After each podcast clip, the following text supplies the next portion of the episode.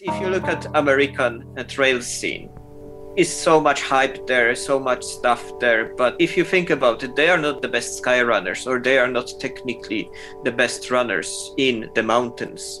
But if you look, okay, we have Spanish people, we have some other nations, but I feel like Norwegians don't take any credit for being actually that good, or they don't race that much. And I think they should it should be like shown how good runners live here and also how good Norway itself is to train trail running because there is some reason people come here to train. Hello, this is another one. Hello, another one. This is another baby. one. Hello, another one. Before we get into the details about the the movie production, let's uh, let's get to know you. Who who are you? Uh, oh well, uh, uh, basically, uh, like most of my life, I was photographer and I was uh, doing commercial photography. But at some point, I uh, felt like, okay, that's like not path for me. At some point, I got like burned out, and I already did some small projects with films, but it wasn't like nothing. I didn't know it will be my path uh, in the future, but I basically at some point i felt oh i want to make movies and i was already into trail running i was already like uh, working with salomon uh, with some projects and at that point uh, it was like coincidence they wrote me this email hey buddy uh, could you help us with stills because we want to make this little documentary and i was like what is about and then at some point we decide okay let's I will do it. I will do uh, Bernd Marius uh, documentary, and that was like right. kind of my first project, uh, like fully. I did some small things before, but it was like first thing. Then suddenly, from being photographer, and transition to being filmmaker. all right. Uh, all right, so you um, you briefly mentioned uh, a documentary about uh, Bernd Marius, who which who is the yes. he's the guy with the prosthesis right? Exactly. I, I, exactly. had him on the podcast, and um, he also uh, won the uh, NEDA award last year for um, outstanding uh, performance. Yeah, it was mm. amazing, and it was great. Great experience to be part of it. Mm. So uh, yeah, I watched your rough rough edit of, of that video. Uh, it's it's not out yet. Uh, what what can you tell me about the uh, the production and everything behind uh, producing the um, documentary on Bernd Marius's um, seven, uh, seven mountain uh, running project with uh, one leg. Oh, basically, well, that was like almost one man band searching for people because when I got idea for the project it wasn't like everybody was sure corona will be over and uh, the budgets and everything will go as smooth possible uh, but uh, everything turned to be a bit more difficult uh, and uh, basically uh, I got full support from Salomon to produce it. they like helped me out with flights hotels and like uh, helping me crew actually because i need I, it wasn't possible to film it by myself. Then uh, i got help from johannes viken who was the second camera guy. Then uh, we had matthew bocci who was my guide on the mountains because we had to move quite fast and i didn't know that good route especially when we had foggy terrain uh, but yeah, uh, first I met Bernd Marius during uh, um, a road trip all over Norway in uh, I, I, think it was yeah it was August. Then uh, we chat about it. Uh, I showed concept to Joachim Docka from Salomon, uh, his influencer marketing there, mm, mm. and he was like into it. Then we basically agree, okay, I'm gonna do it. Then uh, I fly back to Bergen. Uh, to do interview to get to know more Bernd. Just I want to have this feeling how like is to work with him, and I want to have it on uh, like film and then uh, we decided we will film everything in November uh, because that was like the best timing. Uh, it was still no snow, and it was kind of okay term for everyone because uh, Stian, Angermund, and Ellie they had uh, Golden Trails finale. Mm-hmm. Then they were on the quarantine. Then we had to postpone like we couldn't do it right after they back. Then we had to wait exactly with days uh, when to start uh, filming. Uh, then we had like we set it up. Either we film on Saturday or Sunday because weather wasn't too certain. Because even in the day we were filming, I was like, "Oh my god, it's not. It will not work out." It was just uh, pure rain until eight o'clock, and that was when they started running. Really? After so, that, so was... you actually waited for the rain to stop uh, to start the uh, the project? Uh, uh we didn't uh, wait, but we were uncertain what date we will uh, film, and we had like we decided, okay, I, we think Saturday will be okay, and it was okay. It was like pure rain uh, on the beginning, but at the end we had like foggy uh, and uh, cloudy day, but runnable. If we do it day after, we actually could have a sun. ah, it's it's impossible to to plan a filming of a documentary in Bergen if uh, if if you're no.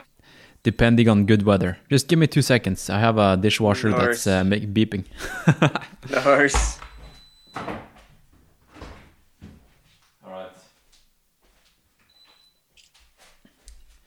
Okay, so uh, now we're talking about the, that documentary, but um, uh, we'll soon get into the the next project. But before yes. before we do that, uh, who who are you? Like you you immediately went into your your professional background and your your uh, everything that's kind of relevant to um, to you producing videos about trail running. But who are you?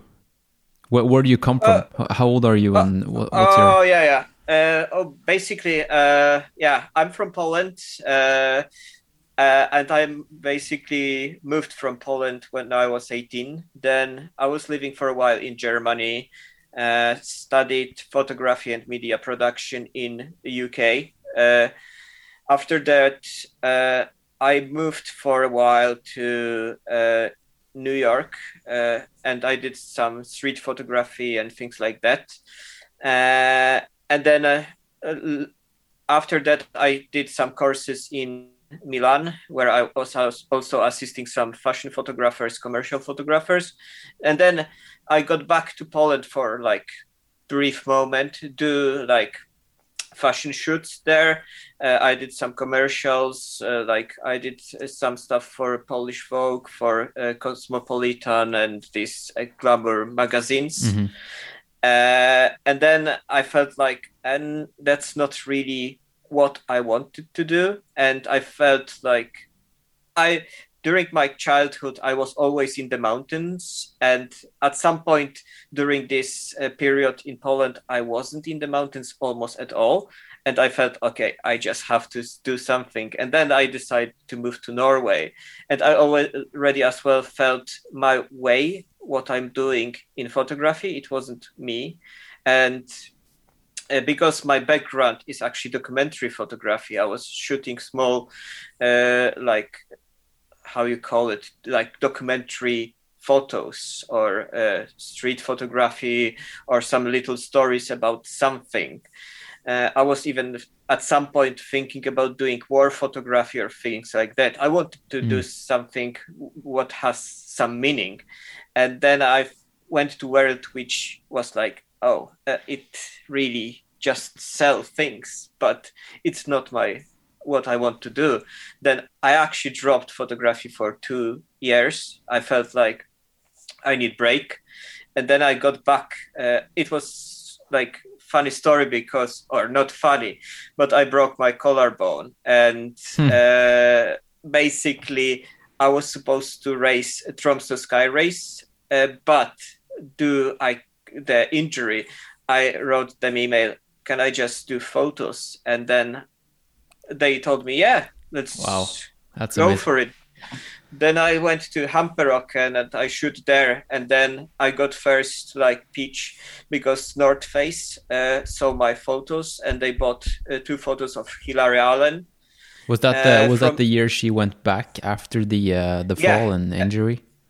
Exactly that year, and then I I actually knew uh, that was as well kind of the story because I was behind Hillary, fell from the ridge. Uh, I mean, not like right bef- uh, after her, but I saw her lying down on the uh, rocks. uh, You were you were there the year of the accident. yeah, I was here. The accident uh, happened, and then uh, one day I skipped it, uh, and then I get back there because I really like the trail. Then uh, I was like, "Oh, Hillary, I remember you." I mean, of course, we start chatting about it, and then it was like, "Oh yeah, yeah, I'm racing. I want to get over it. I just want to get back." Uh, and yeah, uh, we chat. Uh, I saw her first on the vertical race, and then uh, day before uh, the race, uh, after briefing, we had some chat. Uh, I met her mother, and she was like, "Oh, I'm so happy you're gonna do photos there. I will feel so much safer now," and stuff like that. Mhm. It was really nice. And then, yeah, basically, I saw her on the reach, and then uh, yeah, we got some contact. All right. Then yeah, Awesome. that's, a great story. started. That's yeah. that's how it started with trail or outdoor photography for me. I mean, I did some shots, but that was like beginning.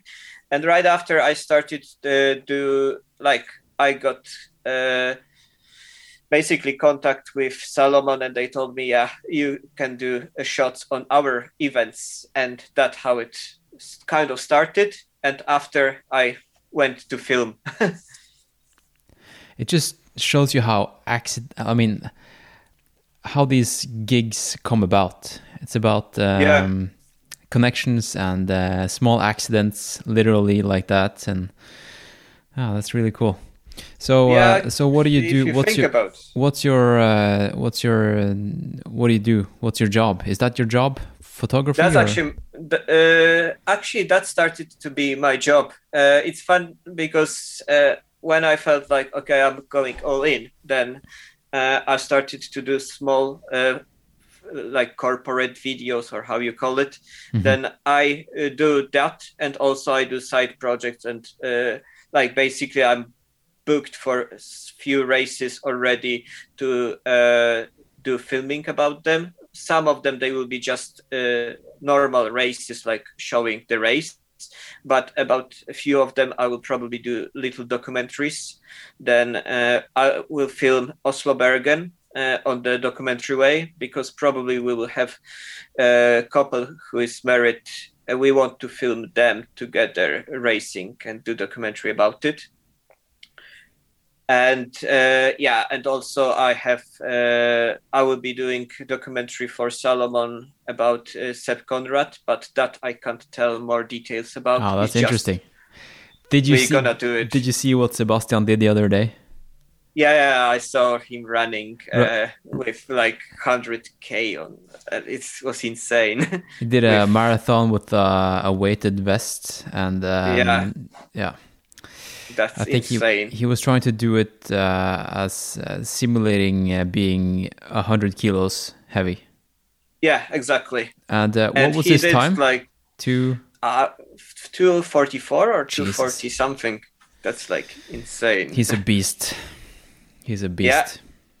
and that will be nice to film him All right, so we have a Polish guy making lots of documentaries about uh, Norwegian trail running, and exactly and uh, you contacted me uh, a couple of weeks ago uh, because you were interested in in not just documenting a race or a project. You wanted to document the whole trail running scene in Norway, right? yeah ex- that's exactly i mean i felt uh, like i want to do a documentary about the norwegian uh, trail running scene uh, how i mean uh, i uh, it's funny because when i got uh, here i was like wow people are fit here like compared to Yeah. countries i used to live like people walking up very fast and uh, running down pretty fast and i was like wow that will be something. And then living here already like three years and getting to know people slower, uh, I felt like, oh, it will be nice to actually show the athletes here. Because if you look at American uh, trail scene, is so much hype there, so much stuff there, but it's like if you think about it, they are not the best sky runners or they are not technically the best runners in the mountains. But if you look, uh, I don't know, like okay, we have Spanish people, we have like some uh, other nations, but I feel like Norwegians don't take any credit for being actually that good or they don't race that much. And i think they should it should be like shown uh, like how good runners live here and also how good like norway itself is to train trail running because there is some reason people come here to train.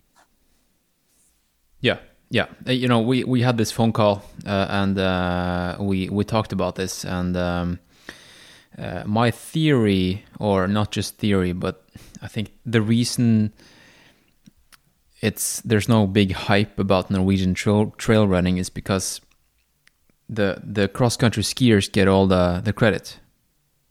Yeah, and that's... and we're only four five million people in Norway, and um, there's also a lack of storytellers in the business. So like, there's only a handful of people documenting running in general, like on a it, big scale. That's true. Mm. That's true. I mean, if you look at it, you have this Billy Yang guy, then you have a uh, few others. Or, I mean, I love what Salomon does with this Salomon TV series because they actually documenting trail running and you can see how focused they are. But apart from that, you have few North Face films and that's it. It's not much of it. Or if it is, it doesn't have this cinema level, which I like. Yeah, yeah. There's um, I I watched there was a, a Ginger Runner production. Uh, oh yeah, that I know. was uh, just released. I think it's uh, about a trail called uh, the Wonderland Trail, and there was okay. an FKT documentary uh, about uh, Dylan Bowman and uh, some other people. Yeah. Uh, but that that was pretty cool. And I saw just recently there was a documentary produced by the North Face about uh, Pau Capell's sub 20 project in uh, in uh, Chamonix for the he was going to do the UTMB course so, yeah. solo solo this summer. But yeah, there there's not I mean you you come across these videos pretty rarely yeah mm. if you think about it there is not much uh, i mean there are uh, some documentaries like national geographic about sap uh, 2 uh, with uh, or how you pronounce his name, uh, when he was trying to beat the two hour uh, in marathon. Oh, Kipchoge. Kipchoge. Yeah. And then, of, of course, you have these movies, but then we're talking about Nike sponsoring, and then you have huge hype. But apart from that, you don't have that much uh, running movies. If, no, if, that, co- that's why I, wa- I watch a lot of climbing videos just for inspiration and for to to watch outdoors documentaries yeah you have much more i mean of course climbing uh, videos are inspiring and i'm not watching only uh, like running videos because that will be just uh, sh- i mean it's good to see different disciplines and takes from them even i'm taking a lot of from my previous work as fashion photographer or something i like mm. nice details or mm. things like that but of course uh, it is important to like try to fi- find your niche and try to explore it as much possible. And I think uh, in running is like still not explored area to build nice stories. Hmm. Yeah, we talked about uh, just documentaries in general, but I mean, if you look at Norwegian produced documentaries about trail running, I can almost just think of one.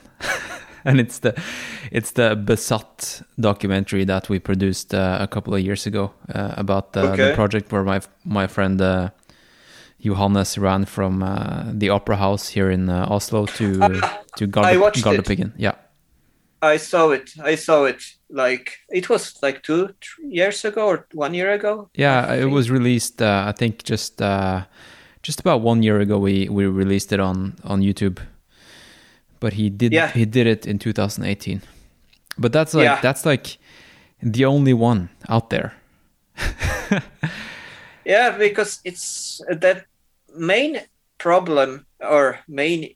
Uh, it's hard to do good, do good documentary. You actually have need a story. You have to found it, and of course, when you are trial runner yourself and you're pretty good at it, you don't look at like, oh, I want to do documentaries. You just don't have this because you compete, and then again.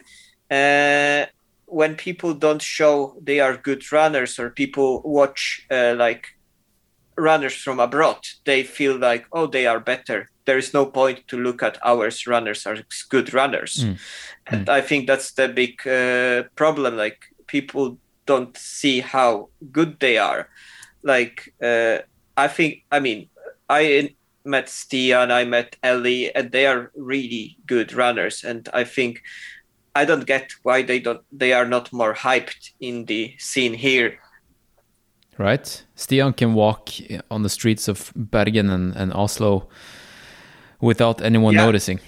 But if he uh, if he uh, walked in the streets of um, I don't know some kind of city in the Alps or uh, Yeah, uh, even probably in Polish uh, race, everybody will notice him, or Yeah. in Polish mountains, because uh, Pol- I mean Poland is has big trail running scene. Like it is huge right now. I mean not now because now it's like all everything is cancelled, but compared to like uh, how many races we had there, and it's in Norway, it's like every weekend you can run few races if you want to but uh, of course it's more people want uh, run it or it's more people anyway in uh, country itself but i think uh, norwegian scene since i arrived here and now it's growing so much in trail running then i think in 10 years or 5 years it will be bigger and bigger and actually trail running will become this sport right? And I, I also looked at some statistics, and it turns out that cross country skiing is actually not that popular anymore. It's just, I mean, there's kind of this monopoly effect where NRK, the national broadcasting um, company, is, I mean, whatever they they decide or the the how do I how do I put this? Uh, they get some, they buy the rights to Yeah. to show some sports in the weekends. And of course, they buy the rights to show cross country skiing and biathlon because that's our, it's kind of a national sport, you know. Uh, and uh, whatever is on TV, that is what's being acknowledged as uh, our sport because Yeah, Norway I- is very, um, it's it's a social uh, democracy. Uh, yeah and I, I think the reason for uh, i've i actually try to find always the reason why something is more in tv and something is less and if you think about it uh, like you have uh, cross country it's easy to film or easy to tr- like show live. Mm. uh, if you look at uh, let's say tour de france it is so easy to show in tv but if you would do like some downhill uh, mountain biking that's not very common in tv because it's so much harder to actually do it. It is technically so much harder thing to film then i think uh, that's uh, why slowly we're getting there when we actually have live streaming from the races right. uh, when the technology. running Mhm.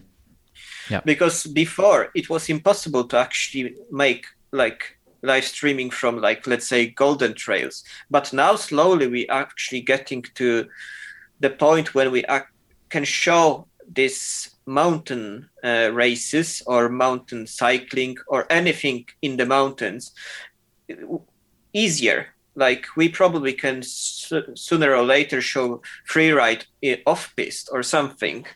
Because we have these fpv drones or anything like that then they can follow the racers.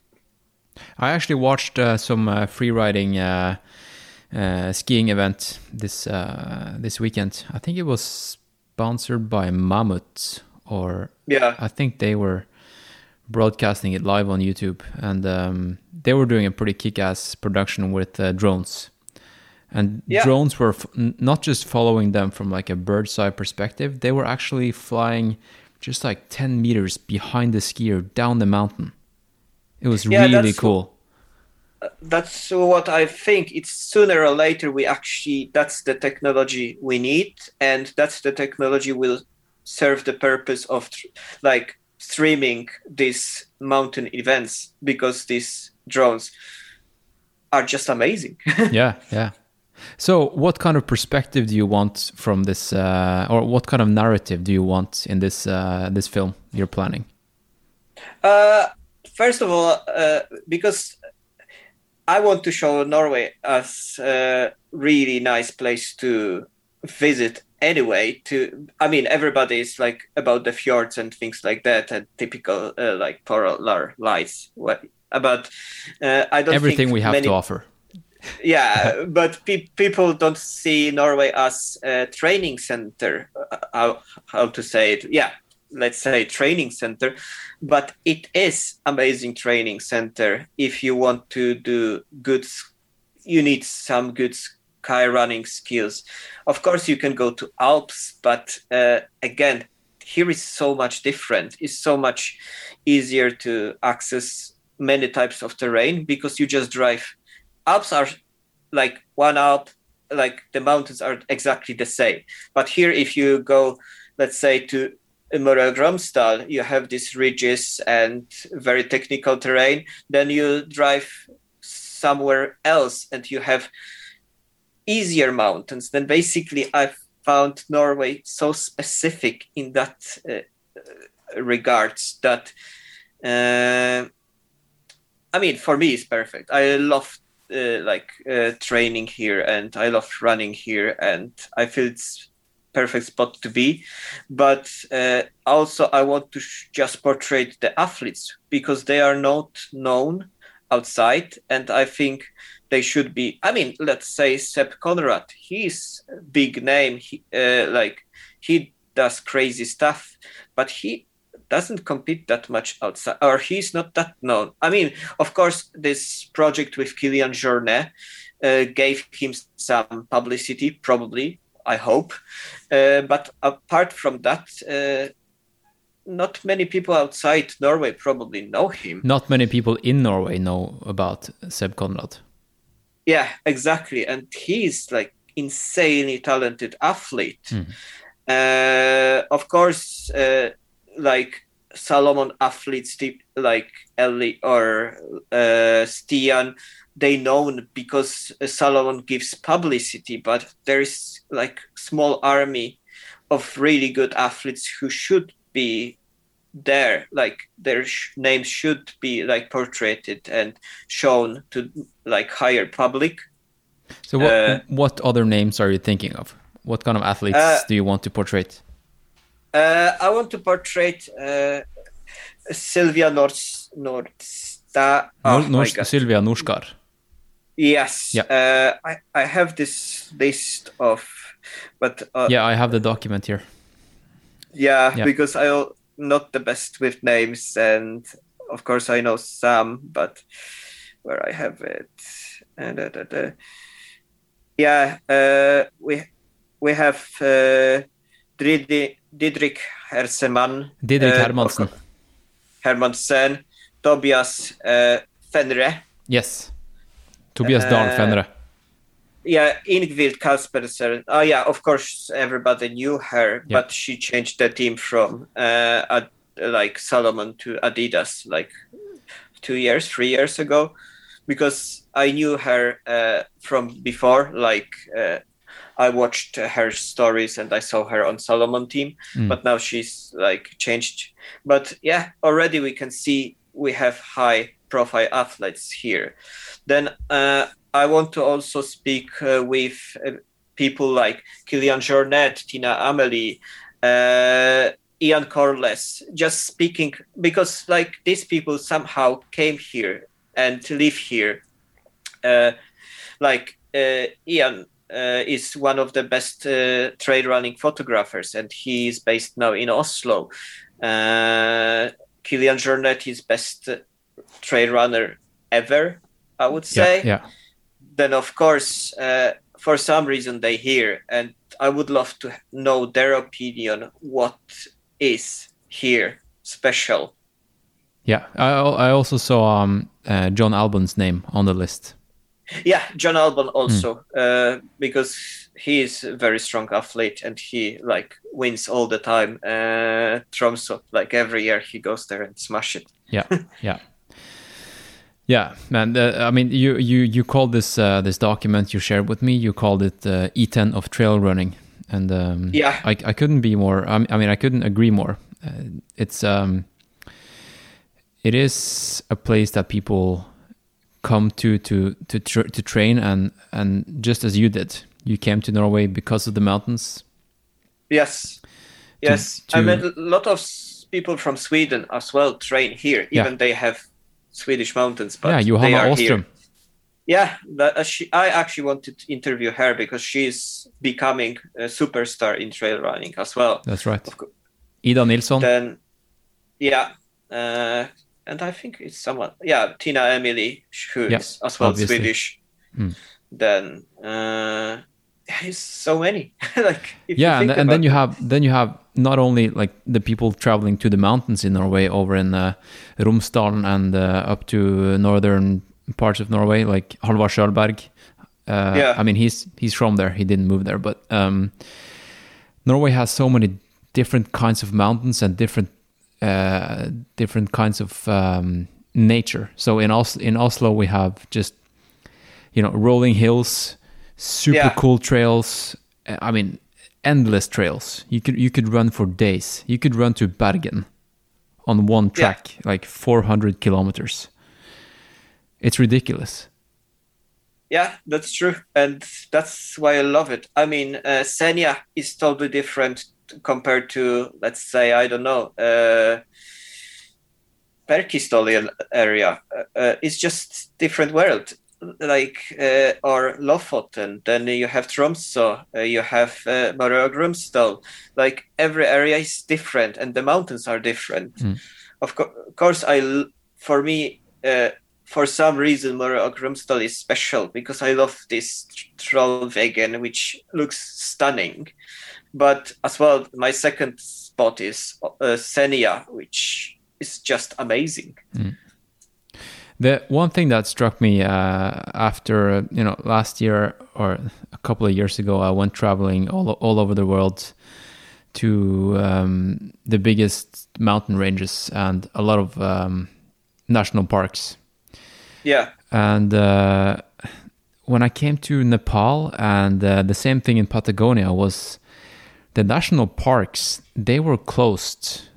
Uh, I mean, you had to like pay a fee to to get entry to the park, and some places they they closed in the evenings. yeah, In, in Norway, everything is just open and accessible to everyone at all times.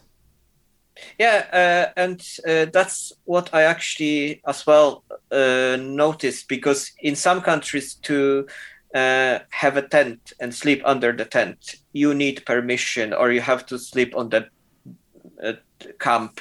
But here you just go to the mountains and you sleep wherever you want. Right. and everything is so simple uh, and yeah i uh, know in many countries you have to pay fee to actually go to the uh, like mountain area or uh, like uh, i don't know national parks which i found like it's stupid but of course again uh, i fully understand uh, why like let's say states or places like that, people are not that much respectful for nature. Like in Norway, you rarely see any bin or rubbish in uh, the mountains. Like everybody try to not leave any trace. But if you go, let's say, I mean, states, it's uh, or like I don't know, UK, you go there. Sometimes like people throw anything, and like, and people leave trace there. What's it like in Poland?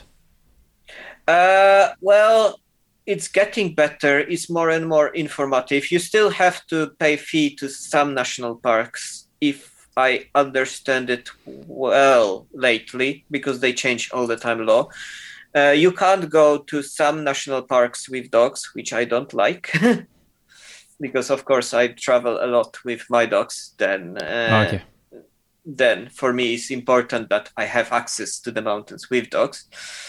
Uh, you can't go any. Uh, there are restrictions where you can or you can't go. There are some places you can't go, but that's the reason because people didn't uh, respect the law or rules. Because at some time you have this species of animals uh, that live in some areas uh, and they can be scared by people. But also the difference is we have only one uh, area where we have mountains or like this huge mountain range. But because it's so tiny compared to Norway, everybody goes to the same places Oh, yeah, and it's yeah. Like a lot like it's if you go to Mont Blanc or if you go to Alps, you always have crowds. That like there are crowds. Yeah, and they even have lifts to the to the top of the mountains. So That- even that un, unfit people will um, you'll meet uh, Yeah. some lazy Of Americans Yeah, high up in the mountains. hmm and they can say, "Okay, I've been like on Mont Blanc or something." Yeah. All right, so let's talk about funding. How how are we going to fund this uh, documentary film? Where's the money going to Uh, come from? the yeah that's uh, pro, uh that's the i was thinking about two ways one way was uh, opening the fundraising but also i was thinking actually to uh, speak with the companies who can sponsor it. They but still uh, help us with some funding because it's independent and i don't i i would love to have my direction to show how it looks like and uh, to not be dependent. Like i don't really want to be as well sponsored by one uh, company like let's say if it's only salomon or asics or like one company of course they want to kind of force you to show more of their equipment or maybe their athletes. That's why i'm afraid to actually be dependent on one company. And uh, i rather do it with few and have smaller budget from them than one and just focus on uh, like of course they need benefits on it and but every company who is like a shoe company will have some benefits because they have their own, athletes anyway there like Yeah, adidas yeah. salomon asics and things like that but uh, yeah yeah, I think, about with, with fun- the athletes we talked about, we are pretty much covering all the the major shoe brands. yeah we have i don't think we have actually nike only but Uh, Nike, they have- they uh, kind of stopped pushing uh, trail running lately, yeah so uh, we can we can ignore them. yeah. of course we should.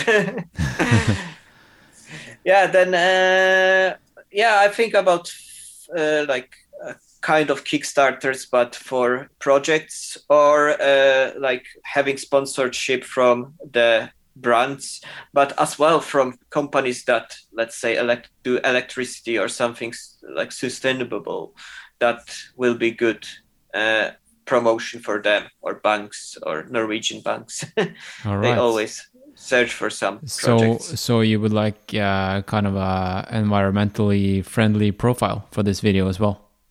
yes, Okay. uh, because there is one thing in my mind uh, that I still. It's like I have this project in my head on my head like I want to shoot and uh, show like you know Patagonia, Arc'teryx, and now you can see slowly in Salomon uh, there are brands taking care more about production, about uh, how they package things, how they. Uh, I mean, you can see they want to be more responsible. Especially, you can see it in Patagonia uh, and Arc'teryx. Uh, and i have this like little thing in my head that i want to show how first of all corona affected sport itself in the mountain uh, not only running but basically mountain sports because we people couldn't travel that let's say if you live here okay you're fine but if you live let's say in poland or somewhere where it's not that much snow if you are like winter athlete you already have some problems to get access and train. And i want to sh- like sh- show that people didn't uh, like how they were affected but also uh, i heard or from my observation and what i was reading that this gap year let's say uh, gave environmentally some back like we turn back uh, things we did to the planet but now we didn't fly for almost a year right. then i think it has some impact on carbon footprint we did uh, in previous years then i want to kind of dive deep into it and see how we could actually have less foot uh, like carbon print or how you carbon footprint uh, keeping this level after corona is over like because mm, mm. you like let's say Kilian Jornet he didn't go to golden trails because he didn't want to uh, I mean obviously he would win probably uh, but he didn't want to do more harm and he is very picky what races he does and I think uh, every athlete should be more picky what races they do or even we uh, like amateur runners uh, should not pick let's say a race in patagonia uh, every year or like i don't know like on different pla- uh, like continent. But we should race uh, in our neighborhoods kind of thing. Like if we are norwegian uh, runners okay you have so many races you could pick anything you want, but you shouldn't go. I mean, you can go to Western states, but you shouldn't do it every year. Let's say. Right, right.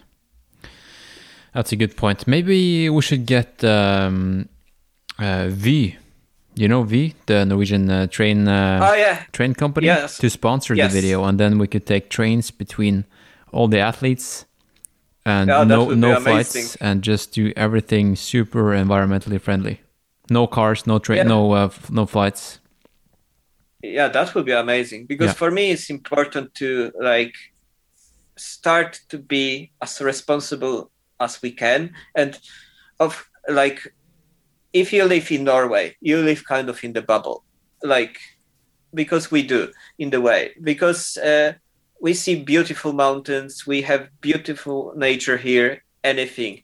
But if you go to Nepal or like climb Everest it's like one big rubbish. If you go to like even in Europe, you go to some places and you have like paper all over and some trash all over, then if you think about it, that's is destroying like our planet and we do it like every year more and more we consume so much then i mean of course uh, I love running and uh, I have a lot of running shoes, but I tear them down almost to like some. I have my favorite S Labs 8, which I love run in. Then, since they are not usable for trails anymore because I tear them down, I still run in them uh, on like asphalt just because they still good shoe. Yeah, yeah, I, I do the same. I, I just wear them at the gym or you know they're they're still usable shoes. Yeah, and we shouldn't just change your shoes like every I don't know three months or like we wear them quite a lot because we run a lot. Hmm. But anyway, it, they still usable. Yeah, I know. Uh, uh, you know, Kilian has his uh, new foundation, the Kilian Yes. Jornet uh, Foundation, and um, uh, I saw Xavier Thévenard. He decided never to travel by plane to a to a race ever again, Yeah, ever. That's a big commitment, a big statement. Uh, Yeah, but- yeah, it's, I mean, it's it's it's a movement. It's it's a thing. Yeah, and I think it slowly will will get there. I mean, I uh, like uh, we see how much harm we did. We are educated enough, and uh, the problem is uh, in the current world that we are aware of it, but there is so much, so many people without, let's say, internet connection or still there, and they have no idea. They are not Mm. don't have education. Uh, like if you go to India, if you go to places like that, they don't care about uh, throwing bin on the street. But of course, they don't care because they have not even clue how much harm it can cause. Yeah, we should be ashamed of ourselves. In a way, yeah i mean the this whole uh, past year has put things in perspective. Yeah. Re- I mean, we, uh, we as norwegians we don't have to travel anywhere. We have the mountains. We have we have everything. Yeah you have Right. sea you have mountains you can do like we can do whatever we want. But uh, funny part is actually uh, like consumptions went down in last year and it shows we don't need that much stuff. We just buy stuff because we do it. But now when shopping centers are closed and stuff like is closed like people are, are like don't need anything. Like suddenly everybody needs a jumper they can have sweatpants and they are fine because they stay home and then go running training. Then suddenly it shows how little we need. Hey where where do you live? Where, where are you uh, located in norway uh, now i'm uh, i used to live in uh, oslo uh, or in Bærum but i moved to arendal uh, because yeah basically um, my girlfriend got job in grimstad then basically for me it was like yeah wherever i can travel to races from arendal i can travel from anywhere in the norway Mm. then basically uh, i decided for me is not really change because my job is so remote then we moved to arendal. All right and i'm i'm guessing you uh, you can run on the trails now. It's uh it's the 15th of march today. Is the do, yeah. How, what's Yeah, the the what's the conditions little- like? uh, in some trails you still have little ice but mainly you can actually today i was running in shorts Me too. Then but I mean, it was now. I was running in the snow with shorts, but uh, it was pretty warm. yeah it, today it was like 10 degrees then it was perfect All right. Okay, so so um, where where do we take this? Where do we take this? How, how, when when are you starting? When, what do we call this project, and uh, how do we get the ball rolling? Where can people? I mean, if if they work somewhere that, let's say they um, they have a job in Vy, which we talked about, Yeah. and they want to to help fund the the the film, the production of the of the film. yeah how, they how- just how can they contact me. you?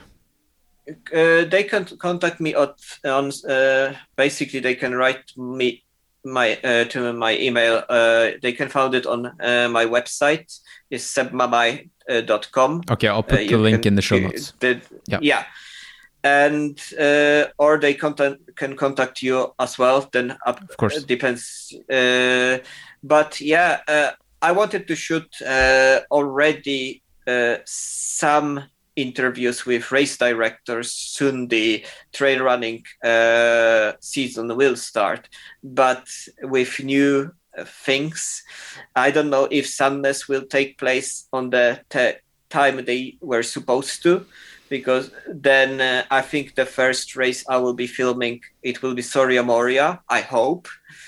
Uh, if yes, then I will interview Seb Conrad there, uh, yeah, and then I have to plan it everything just uh, because I want to start filming already in the summer that I can catch up with all the athletes and all the race directors and people up outside like Kilian, uh, Tina, uh, Ian Corless. Like I want to interview during the summer mm. time.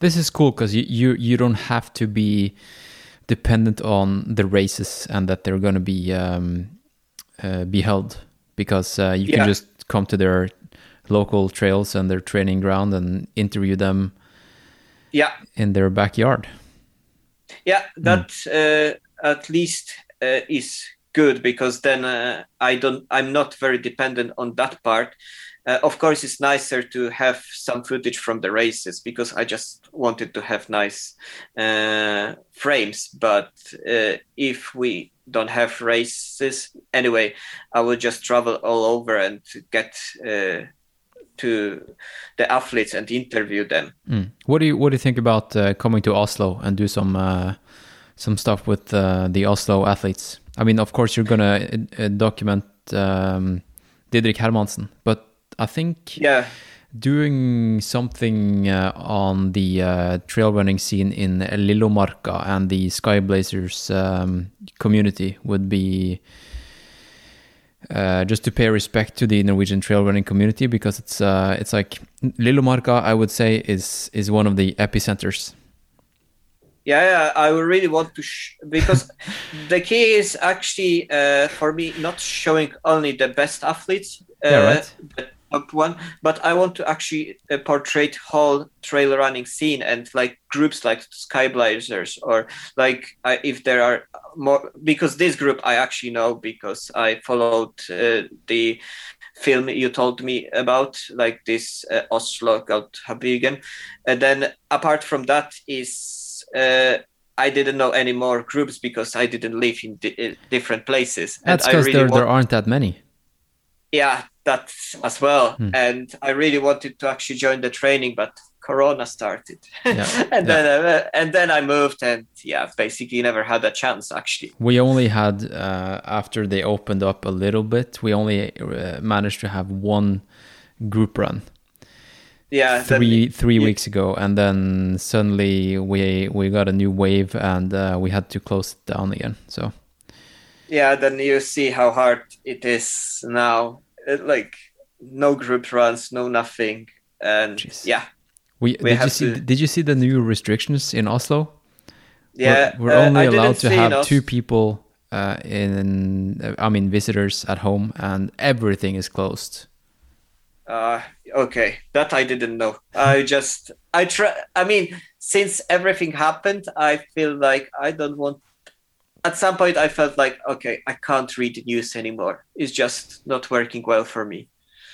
Like my uh, girlfriend is a doctor, and she tells me like it's so much depression now because of the corona. Then it's like I'm like, okay, I don't want to be involved anymore. Yeah, like, yeah. Just sign out.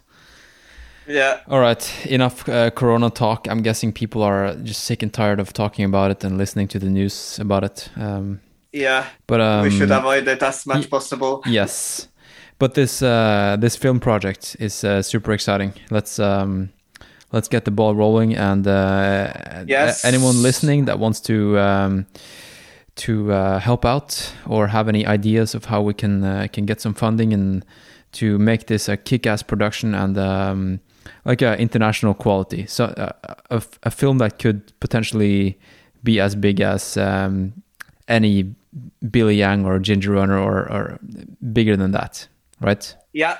If there is any company can help or like a photo video company could actually help with some gears rental or stuff like that, yeah, uh, then they will be more than welcome because uh, it uh, or some people who actually have like some skills in sound design that as well is always good to see because people everybody like thinks oh it's only the image but sound is super important in this type of uh, films and sound is like 50% of the uh, film yeah yeah all right let's get this film on uh, netflix That's doable. Yeah, it is we doable. can do it.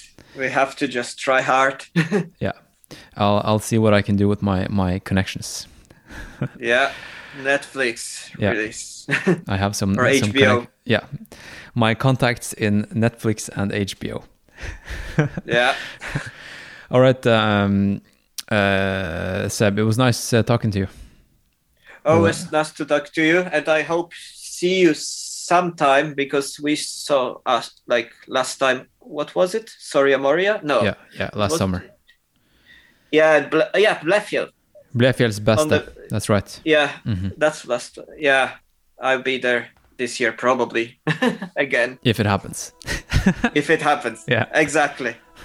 Okay. All right, I'll stop this recording and we can do some uh, small talk uh, afterwards. All right. Yeah. Okay. Yeah. Perfect.